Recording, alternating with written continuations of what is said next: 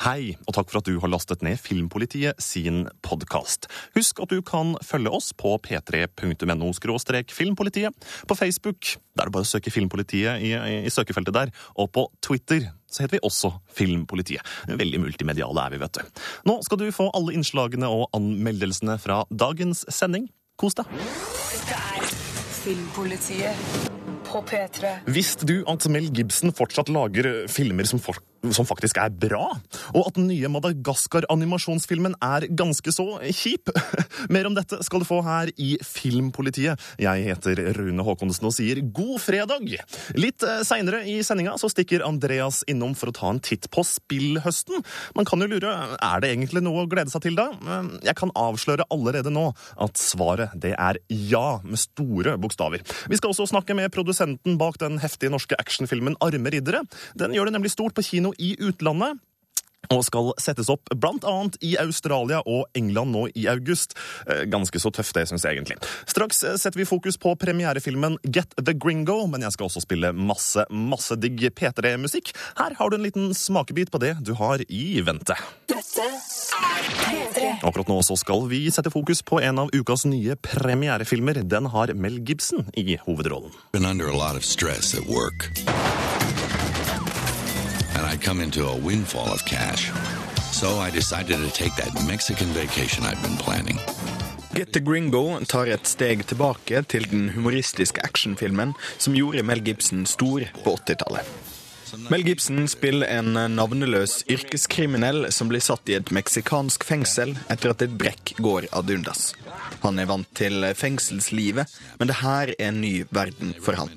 Fengselet han er satt inn i, er nemlig El Pueblito, den vesle landsbyen. Et fengselssamfunn som Gibsons karakter med rette beskrives som verdens mest avskyelige kjøpesenter.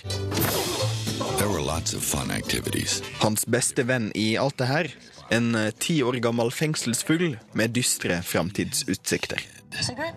Mel Gibson er akkurat mannen for en rolle som det her. I motsetning til skuespillere som Tom Cruise har Gibson omfavna alderen sin, men samtidig holdt på det som gjorde han spektakulær i filmer som Dødelig våpen og Braveheart. Som motspiller har Gibson den unge Kevin Hernandez, som fyller rolla med mer karakter enn høgda hans skulle tilsi. Dynamikken mellom de to er som en oppdatert versjon av Indiana Jones og Short Round, hvis Short Round hadde vært en kjederøykende fengselskvalp med flere tjuvtriks enn en heil Guy Ritchie-film. I never know when they'll come for my son. Debutregissør Greenberg, som arbeider med Gibson på bl.a. Apokalypto, gjør ikke alt riktig. Men han skal skryte for å male et bilde av miljøet i fengselet som en stad der den sterkestes rett gjelder. Filmens beste scener er nettopp når landsbyen får vise hvordan den fungerer, og Gibsons rollefigur får infiltrere og rote rundt for å klatre i rangstigene. Mot slutten tar filmen ei mer godmodig vending, kanskje til og med litt for godmodig. Helt på Shawshank Redemption-nivå er det ikke, men det kan absolutt beskrives som koselig, om enn med en sarkastisk undertone fra Gibson sjøl. Men Get the Gringo viser at Mel Gibson tross alt ikke er helt fortapt. Et fullstendig comeback fra hans tidligere vingeklipte karriere? Kanskje ikke. Men absolutt sjåverdig. I can't wait to get back. Who am I kidding?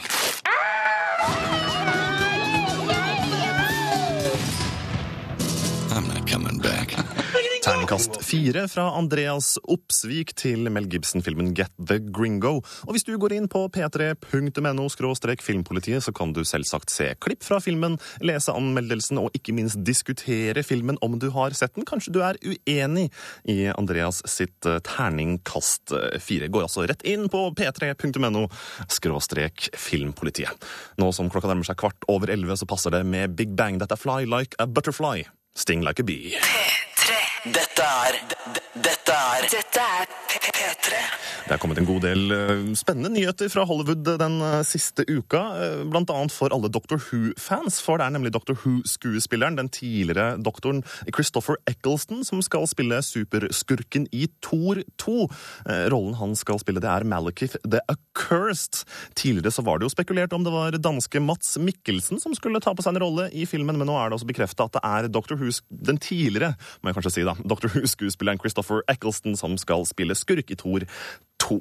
Eh, Prometheus, eh, science fiction-filmen til godeste å, fikk jeg nesten jernteppe. Eh, Ridley Scott. Eh, Det kom jo noen oppfølgere der. Filmen tjente ganske mye penger på eh, kinolansering i hele verden, og da blir det jo oppfølgere. Prometheus-oppfølger ventes i 2014 eller 2015. Eh, Og filmstudioet Fox sier til The Hollywood Reporter at Ridley er utrolig gira på filmene, men vi må gjøre dette riktig. Vi kan ikke forhaste oss. Scott har sjøl sagt at det er viktig å holde androiden David i live, og ikke minst eh, Elizabeth i live, så at de kommer til å være med i neste film. Og Elizabeth spilles jo av den svenske skuespilleren Noomi Rapace, så det blir nok mer Hollywood-arbeid på henne også. Ikke minst eh, til slutt så er det nå eh, blitt eh, erklært at Citizen Kane ikke lenger er verdens beste film.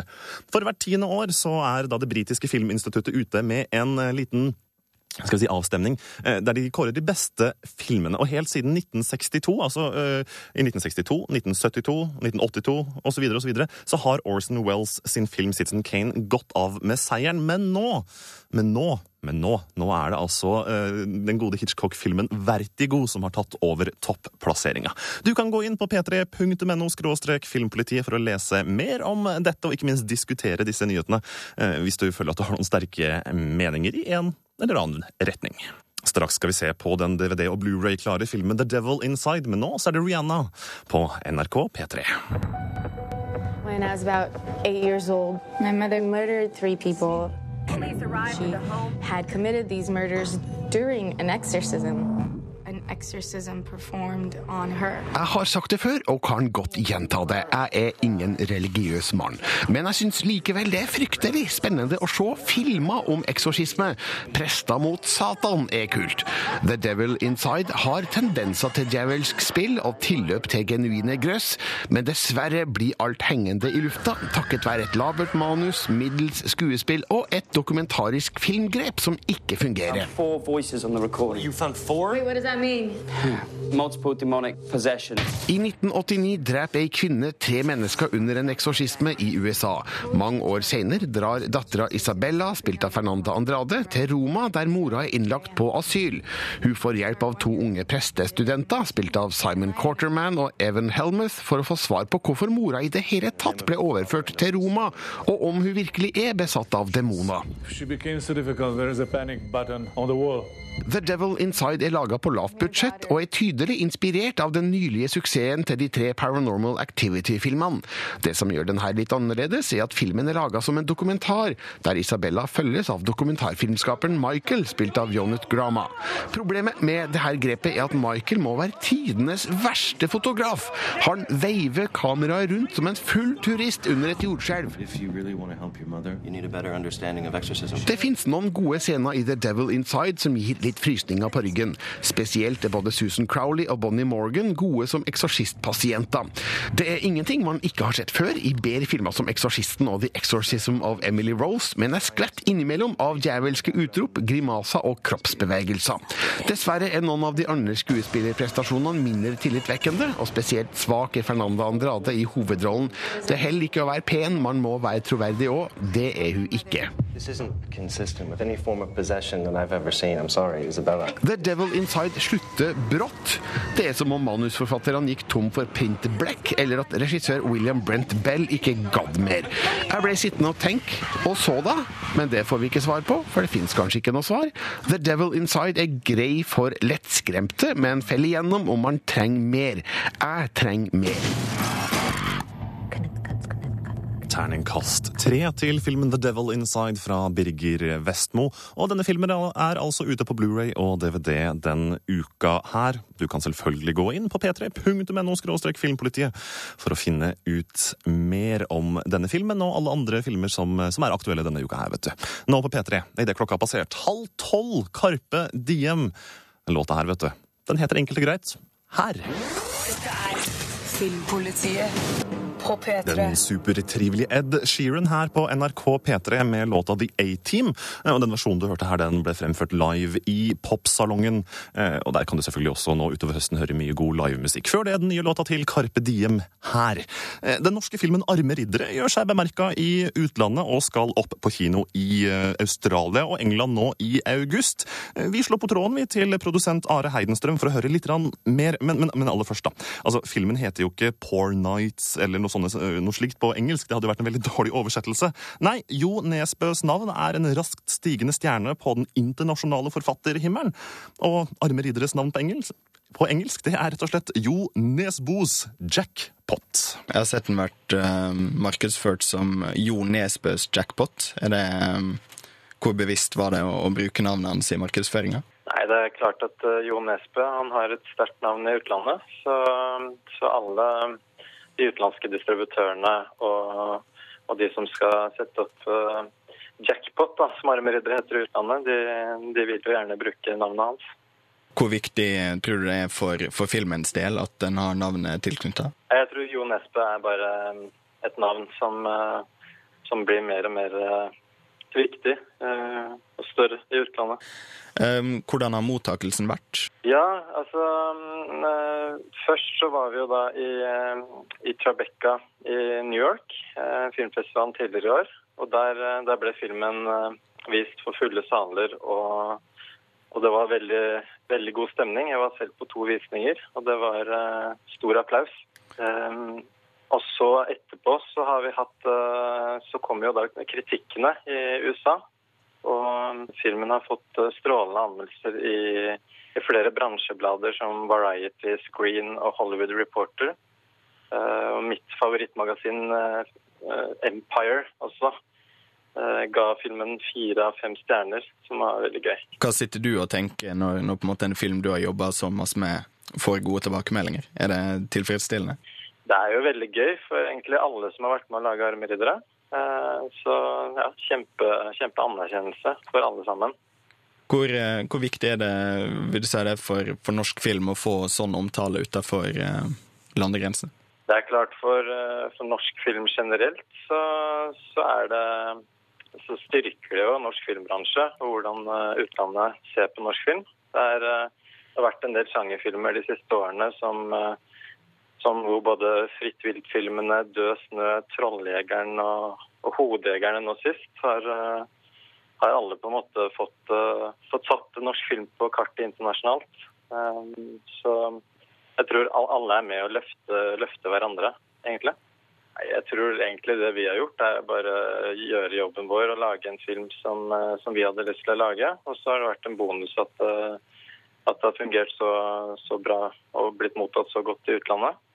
Så det er ikke noe som vi kunne på en måte legge opp til eller eh, hadde som strategi fra starten av.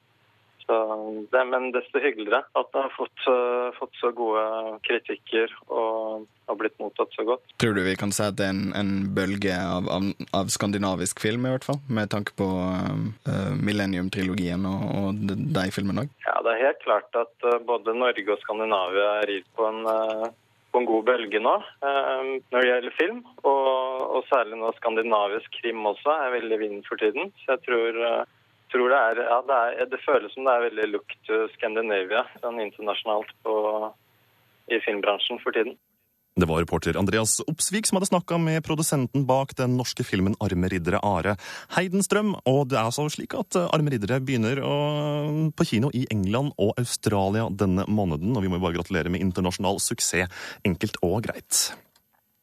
Akkurat nå er det Icona Pop på P3. Låta heter I Love It. Straks skal vi snakke om spill her i Filmpolitiet. Dette er, dette er P3. P3. Her i Filmpolitiet akkurat nå, idet klokka nærmer seg kvart på tolv, skal vi ta en liten fokus på spillenes verden. Andreas Opsvik, eh, hei! Hei sann! Du, Det er kommet en litt sånn dramatisk nyhet angående World of Warcraft eh, i dag. Hva, hva er greia? Nei, uh, Activision Blizzard melder da at uh, siden mars så har eh, World of Warcraft-spillet mista hele én million spillere. En million spillere? Det er ganske mange. Ja, og det er jo sånn at det er litt vanskelig marked for sånne MMO-spill for tida, så det her bør jo være ganske dramatisk, men Eller er det egentlig det? Altså, World of Warcraft har jo den luksusen at de har fryktelig mange spillere fra før av. Så en million spillere som de har mista, det er jo omtrent like mange spillere som en av deres største konkurrenter eh, Har til sammen. har til sammen. ja. Eh, så det her er, nå er de nede på sånn rundt ni millioner, som er Fortsatt mange. Fortsatt en god del. Men de kommer også med en ny utvidelsespakke nå i høst som kanskje kan motvirke dette litt. Eh, Når, når kommer, for den heter Mists of Pandaria, ikke sant? Det stemmer. Når, når, kommer den? Den kommer 25. september. 25. september. Så det er Så- i hvert fall én ting for eh, WoW-fans å glede seg til der. Absolutt. Og vi skal også snakke litt mer om spill som man kan glede seg til akkurat nå. Her i Filmpolitiet. Spill høsten 2012 skal være i fokus. Og Andreas, det er jo en rekke spill som vi gleder, deg, vi gleder oss til. Du har skrevet en liten artikkel på p3.no filmpolitiet. Der det er et spill, Du har skrevet om fem spill du gleder deg til i høst. Eh, Og vi kan jo si at det er mange flere også. Um, Absolutt. Hvilke spill er det som er på toppa? Ja, Jeg må si at- Borderlands 2 er en av de tingene jeg ser mest frem til. Skal vi, skal vi rett og slett prøve å høre litt musikk her, eller? Det er det. Ja, vi gjør det. Eller litt lyd fra spillet, rett og slett.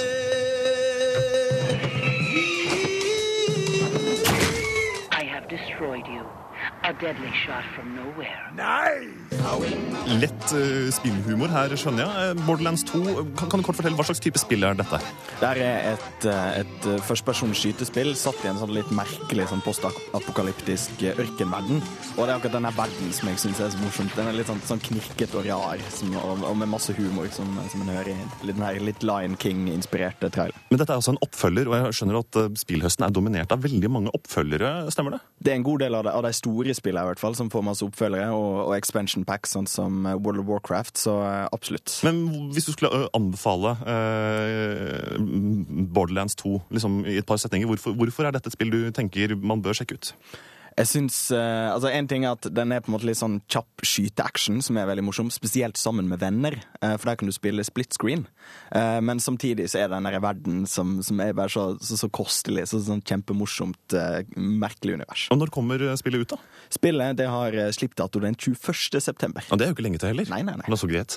Et av spillene jeg gleder meg til, er også en oppfølger, og jeg tror jeg bare har lyst til å spille litt lyd før jeg avslører hva dette her er for noe.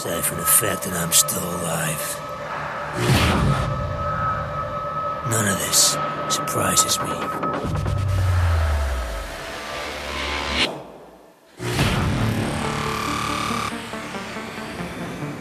Technology got stronger, but we got weaker.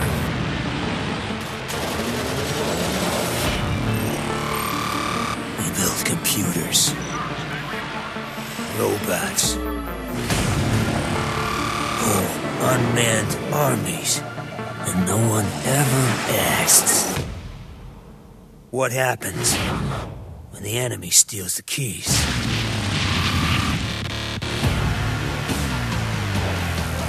And the things they built to keep us safe are turned against us. And that's when they figured it out. They'll always need men like us.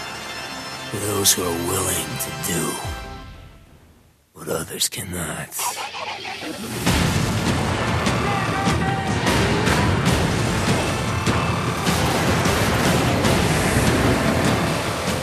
Call Duty Black Ops 2 er et av spillene som jeg gleder meg veldig til nå eh, i høst. Og det er jo virkelig en av de største spilltitlene som blir lansert. Call of Duty-serien har jo slått alle salgsrekorder når de blir gitt ut. Og jeg tror ikke dette blir et eneste unntak. Andreas, har du noe forhold til Call of Duty, eller? Jeg har spilt eh, litt Call of Duty opp igjennom. Eh, Det er ikke akkurat sånn favorittsjangeren min, denne typen, men det, det er jo veldig interessant her at, eh, at David S. Goyer som skal skrive historien. Mannen som òg har skrevet Nolan sine Batman-filmer. Å, er det sant? Det, det her visste ikke jeg engang. Altså, Jo, jo. Så det er samme mann som skriver Nolan sine Batman-filmer, som skriver historien til Black Ops 2? Det er helt korrekt. Nå, vet du hva, nå merker jeg at jeg gleder, gleder meg enda mer til Call of Duty Black Ops 2. eh, Men jeg må vente helt til november ja, da, før jeg kan eh, sette fingrene mine i dette spillet. Det har releasedato 13. november 2012, så det er bare å glede seg til. Vi skal eh, straks snakke litt mer om spill her i Filmpolitiet. Men akkurat nå så er det en gruppe som jeg liker veldig godt, som ligger og venter på musikklista mi. Det er nemlig Foo Fighters. Den låta her er utrolig trivelig. Big Me heter den. Og du hører på Filmpolitiet på NRK P3. Håper du har en god, god fredag. Det er jo tross alt den første fredagen i august, vet du. Dette er Filmpolitiet på P3. Sweden på NRK P3 i Filmpolitiet, hvor vi akkurat nå snakker om spillhøsten 2012. Andreas Opsvik er med meg i studio. Andreas, jeg er litt nysgjerrig. Har du, lyst, har du noen gang hatt lyst til å være rockestjerne? Ja, jeg har jo det. Altså, jeg prøvde meg jo så vidt, men endte opp med å bare bli bassist. Ja, det er nok de aller fleste som prøver seg på rockestjerne. Kommer nok ikke så veldig langt med det, men nå kommer kanskje hjelpen i spillform. Tenk om du kunne spille det der her på gitar. P3. P3. Her hører vi altså litt fra den svenske gitaristen Yngve Malmstens låt 'Rising Force', for det var det mest drøye gitarsoloen jeg kunne tenke på sånn utgangspunktet. Men grunnen til det vi hører på det her, er fordi et spill som tar Guitar Hero-sjangeren et hakk videre, rett og slett. Rock Smith fra Ubisoft kommer i høst, eh, i oktober, til Europa. Og Det er et spill der du liksom ikke bare spiller med sånn plastgitar. eh, Det er faktisk et spill der du spiller på en ekte gitar og får poeng etter hvor bra du spiller på ekte låter. Eh, Har du trua på om dette her kan bli noe, en suksess, eller tror du musikkspillsjangeren er litt sånn over og ut? Jeg har jo i hvert fall trodd at musikkspillsjangeren er litt over og ut. Litt sånn døende og, og mye mindre salg enn det har vært, i hvert fall. Men eh, det kan jo være at de faktiske gitaristene syns at her er veldig gøy, da. Ja, jeg må si at 12. oktober er en dato jeg ser fram til, for eh, jeg merker at den lille uh, rockestjernen på innsida av meg fortsatt ikke helt har eh, bestemt seg for å forsvinne. Men det siste spillet vi nå skal snakke om, Andreas, det er så langt man kan komme ifra uh, rockestjernetilværelsen. ikke sant? Åssen type spill er det vi hører lyd fra nå? Nå hører du lyden fra spillet Dishonored. eh, og her er det jo annet folka som lagde universet rundt Bioshock-spillet. Altså eh, Arcane Studios. Og det er i hvert fall det vi har sett til nå. Det er veldig stemningsfullt. Vi må bare høre litt om lyd fra der her, tror jeg.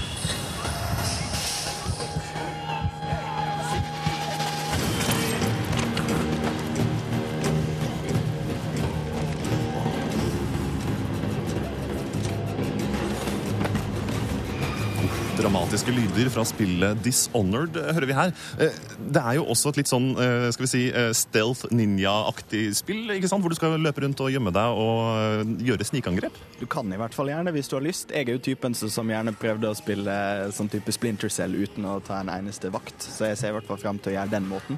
Men det er òg vist video som viser at eh, hvis du er typen som føler for å gå rett i motstanderne, så kan du gjøre det på en litt mer eh, Det første, det, måte. det første jeg tenkte når jeg så, så videoen til dette spillet Dishonored, var jo eh, det gamle Thief.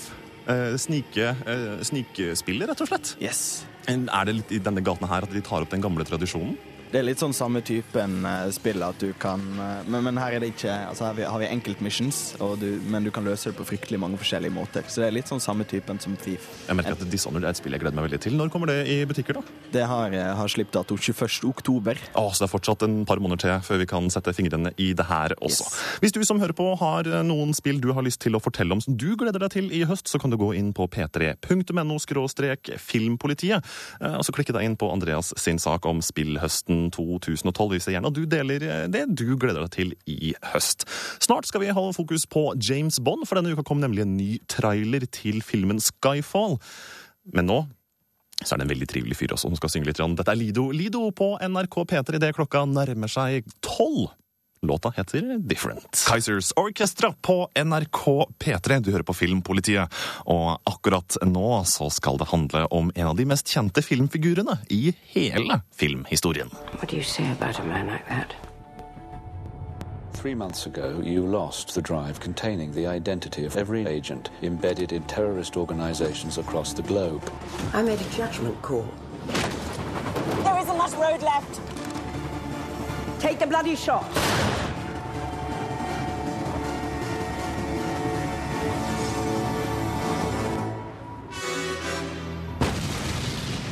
Vi hørte her lyd fra den nye James Bond-traileren. Dette er altså den første fulle traileren til den nye filmen Skyfall. Med meg i studio, Marte Hedenstad. Hallo! Hallo, hallo! Som filminteresserte folk begge to, så må vi vel innrømme at vi var ganske spent på det her, ikke sant? Ja, jeg var veldig spent. Eh, Det har jo kommet noen teasere tidligere for Skyfall, men de har ikke avslørt så veldig mye om filmen. Eh, Og jeg ventet, satt og venta spent eh, på tirsdag da den nye sånn- traileren skulle komme. Litt sånn mystisk Altså, det har vært en sånn innhylla i mystikk, egentlig. Egentlig, for det hadde vært så veldig lite informasjon tilgjengelig. Mm. Eh, Men, men hva, hva er det den nye traileren her forteller oss, da? Hva, hva, hva er nytt? Jo, altså det som er at i eh, Skyfall så eh, får vi en Vent, vent. Jeg må faktisk ta en ting. Um, men jeg må først bare aller først advare deg om at hvis du som hører på overhodet ikke har lyst til å høre noen detaljer, eller spoilere som vi, vi kaller det, så, så bør du skru av akkurat nå. Eller bytte kanal, kanskje. Bare sånn et par minutter. Men, men, men, men Marte, hva er det som egentlig er nytt, da? Nei, altså Det jeg syns var det kuleste med den traileren, her, var at vi fikk se ganske mye eh, fra den store skurken i Bond-filmen. Eh, for det er Javier Bardem som spiller skurken eh, denne gangen. Han heter Raúl Silva. Og jeg må bare legge til da at det er et valg jeg støtter helhjertet fra produsentenes side. For eh, Javier Bardem i No Country for Old Men er allerede en av tidenes bad guys. Og det Ikke at sant? han er skurk nå, det er ganske tøft. Hvordan ser han ut? Ser han creepy ut, eller? Han ser virkelig creepy ut. Vi får jo, vi får jo se han for første gang ordentlig i denne traileren her, og han har blondt hår og blonde øyebryn. Eh, og for de som kjenner til Javier Bardem, så vet de at han er en ganske mann med mye mørkt Latino. hår. Ja, så han ser Det gjør at han ser veldig ekkel ut, egentlig.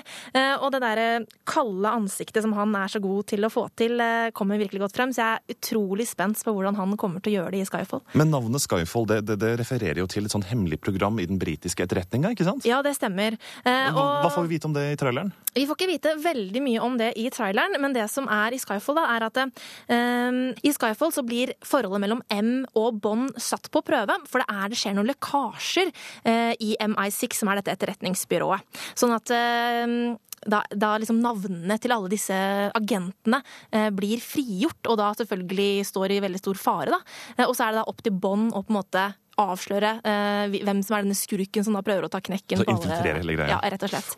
Eh, og så kommer det da noen sånne greier som fra M sin fortid som gjør at eh, da Bond kanskje ikke helt føler seg lojal til henne lenger og sånne ting. Så det er veldig mye spennende som skjer. James Bond Skyfall, altså den 23. filmen i rekken, den har premiere på norske kinoer 26. oktober. Mhm. Og hvis du går inn på p3.no filmpolitiet, Marte, der kan man så lese litt om traileren. Se den, ikke minst. eh, Og det er allerede mange som har diskutert, ikke sant? Ja, det er det. Det er veldig mange som, eh, som gleder seg til filmen, og som eh, sier at eh, jeg tror kanskje denne blir mye bedre enn Quantum of Solace og sånne ting. Ja, er, det, er det rett og slett måte, det vi kan oppsummere med kommentarreaksjonene fra leserne våre? At de, de tror dette kan bli en bra film? Noen tror det kan bli en bra film, de fleste er positive, mens noen selvfølgelig også er- er litt skeptiske. Jeg tror det er sunt å være litt skeptisk. Ja. Den nye Bond-filmen, som altså heter Skyfall på kino 26. oktober, gå inn på p3.no filmpolitiet for å sjekke ut mer. Takk for at du kom i studio, Marte. Vær hyggelig. Her er Trey Songs på P3. Dette er P3. Norske Monté med låta Faith på NRK P3. Før det fikk du Trey Songs og låta som heter Heart Attack. Akkurat nå skal du få høre min dom over ukas andre premierefilm. Klokken tolv. Gutter, vi blir skygget!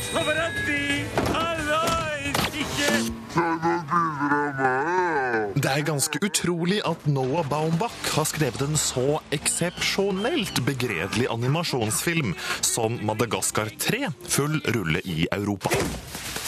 Chimichanga! Disse putene er fylt med babyfugler! Dette er en rotete og hyperaktiv fargefest som gjør alt for å ikke kjede selv den mest sukkerhungrige femåring. Etter endelig å ha slått seg til ro i Afrika, oppdager gjengen, ledet av løven Alex, at det er kjedelig. De vil på kasino i Monte Carlo, og derfra videre tilbake til fangenskap i New York. Merkelig nok. Hvordan kan vi reise gjennom Europa uten å vekke oppmerksomhet? Forviklinger gjør at de under oppholdet på Hotel de Paris på den franske rivieraen får en Edith Piaf-lignende superskurk på nakken. Kaptein Chantel Dubois vil kutte hodet av løven Alex og henge det på troféveggen sin. Koste hva det koste vil. På flukten gjennom Europa med politikvinna i hælene møter vennegjengen et sirkus som trenger hjelp til å skape en siste stor forestilling. Dette gir filmen et godt utgangspunkt for å skildre vennskap og samarbeid. Takk. Vi må ha på neste stopp hvis vi kan komme oss tilbake til Amerika. Vi skal til Amerika, vi også! Hva? I stedet for å fokusere på en historie er filmen et rotete sammensurium av hyperaktive scener med forsøk på slapstick.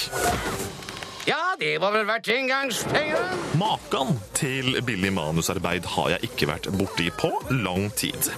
De norske stemmene gir meg også inntrykk av hastverksarbeid. Det er synd, siden norske døbbere vanligvis holder et skyhøyt nivå. Hovedfiguren i filmen klarer seg greit med norske stemmer. Bifigurene derimot er tidvis vanskelig å forstå.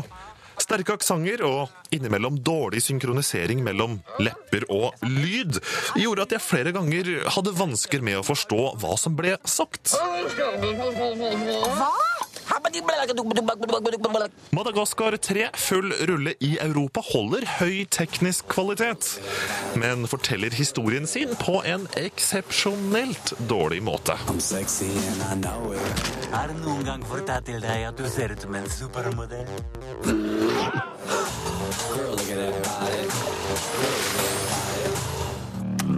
Oi! Litt av en kvinnfolk.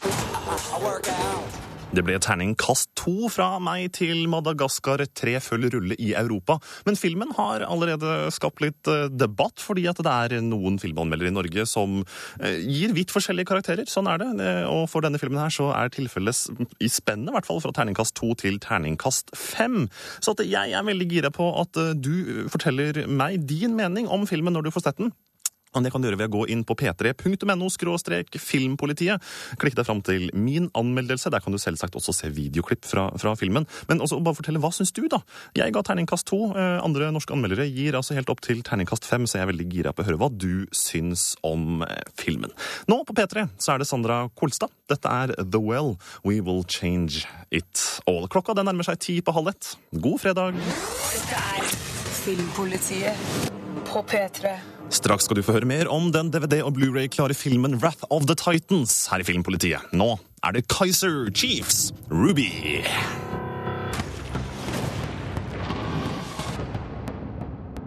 We gods are losing our power. Hollywood har lært. Wrath of the Titans er bedre enn den likegyldige forgjengeren Clash of the Titans.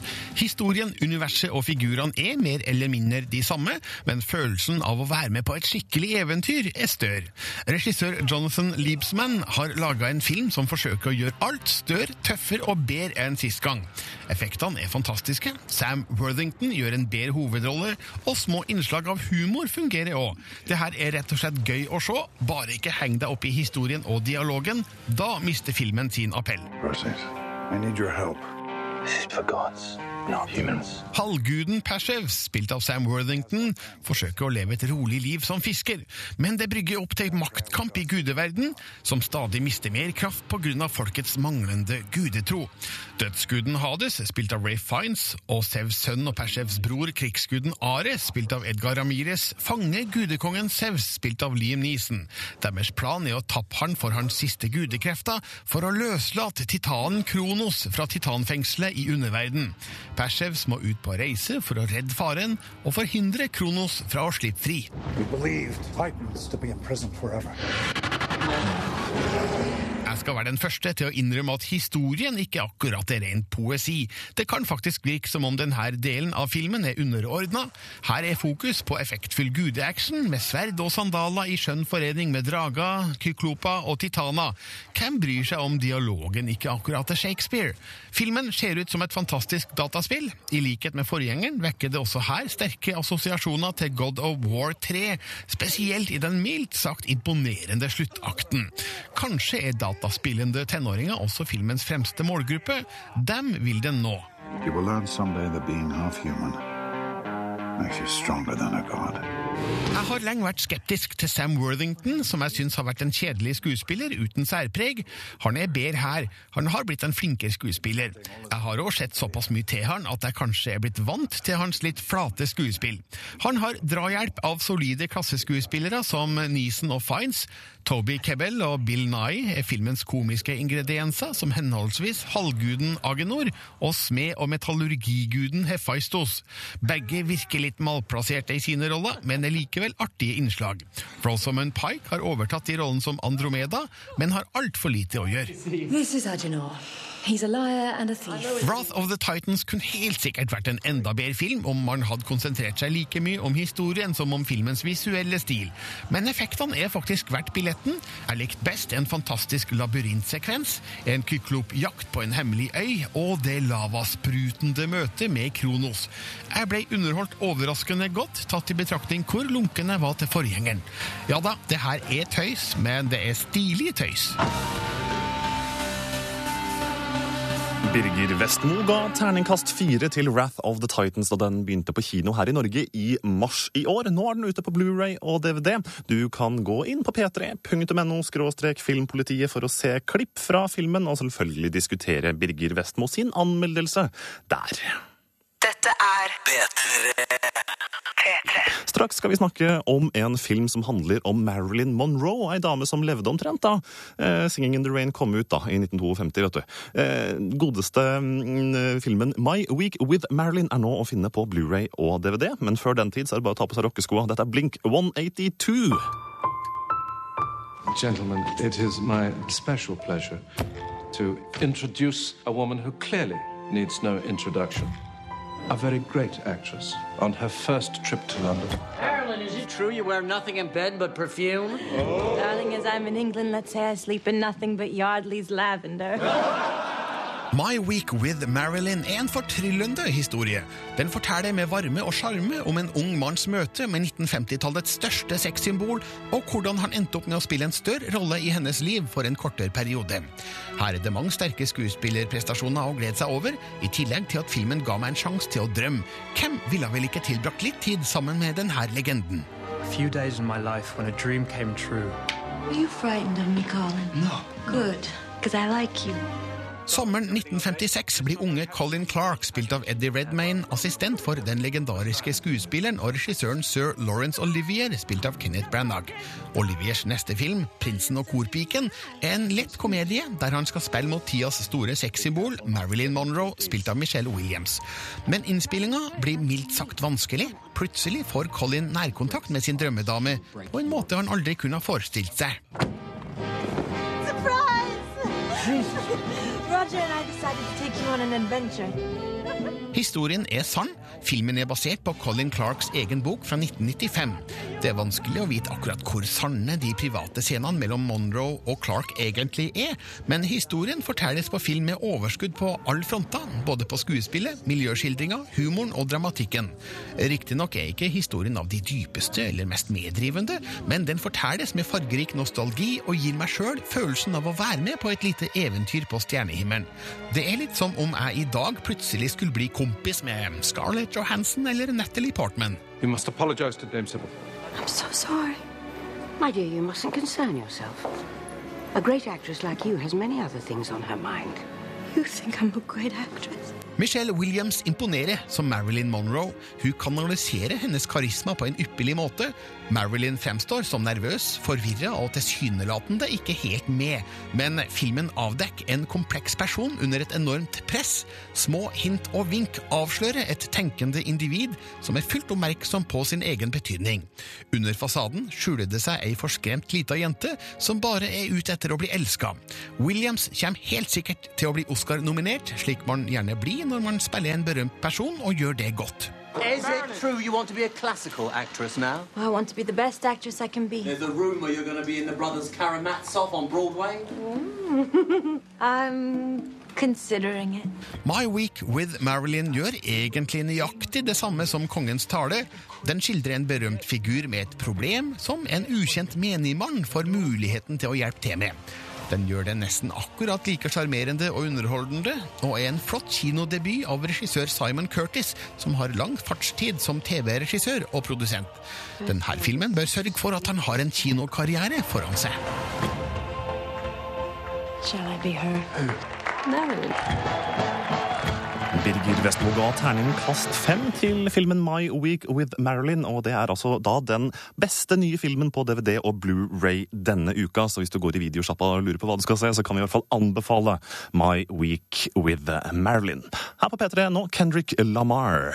Den sangen her den heter Cloud 10. Klokka den er passert ti på ett. Og det er fredag. For en herlig, herlig fredag! Dette er Dette er P3. Team Me with my hands covering both of my eyes. I am too scared to have a look at you now. Klokka den nærmer seg ett eh, med stormskritt, og det betyr at Filmpolitiet er ferdig for i dag. Jeg heter Rune Håkonsen og takker for følget. Husk at du kan følge Filmpolitiet på Facebook, på Twitter og selvfølgelig på p3.no. Neste uke er Birger Vestmo tilbake her i Filmpolitiet, og jeg sier takk for meg, ha det godt og ha en nydelig helg. Filmpolitiet på P3.